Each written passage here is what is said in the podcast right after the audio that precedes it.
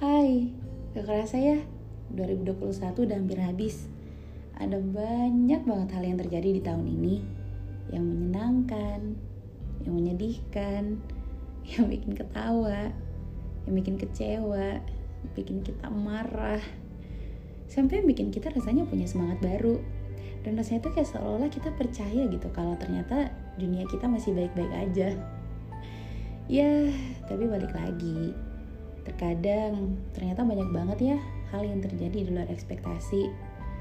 Ternyata kita harus menempuh banyak banget patah hati, malam-malam yang di mana kita gelisah nggak bisa tidur, bahkan hari di mana kita rasanya pengen nyerah. Itu wajar kok. Tapi aku di sini mau bilang terima kasih ya karena kamu sudah berjuang. Terima kasih karena kamu sudah tidur, lalu kamu bangun kembali. Terima kasih karena kamu tetap makan dan minum, meskipun rasanya kadang sulit. Terima kasih juga karena kamu tetap bertahan. Terima kasih karena kamu selalu melalui waktu yang menyebalkan dan enggak menyenangkan itu.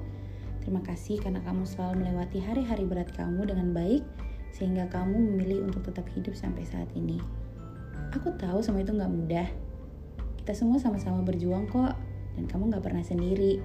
Hidup ini emang tempatnya capek, dan kadang kita rasanya nggak punya tempat buat cerita, buat bersandar, buat didengar, atau buat ngerengek untuk minta peluk kayak anak kecil saat dunia lagi nggak baik. Tapi kapan pun kamu merasakan itu, aku harap kamu kembali ke perbincangan hangat kita malam ini. Karena dengan kamu mendengarkan ini, begitu pula lah aku mendoakan kamu untuk selalu mendapatkan hal baik di dunia.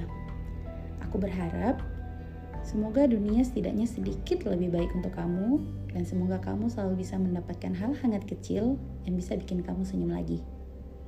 Dengan dengerin podcast ini juga, aku mengirimkan peluk hangat untuk kamu di mana pun kamu berada.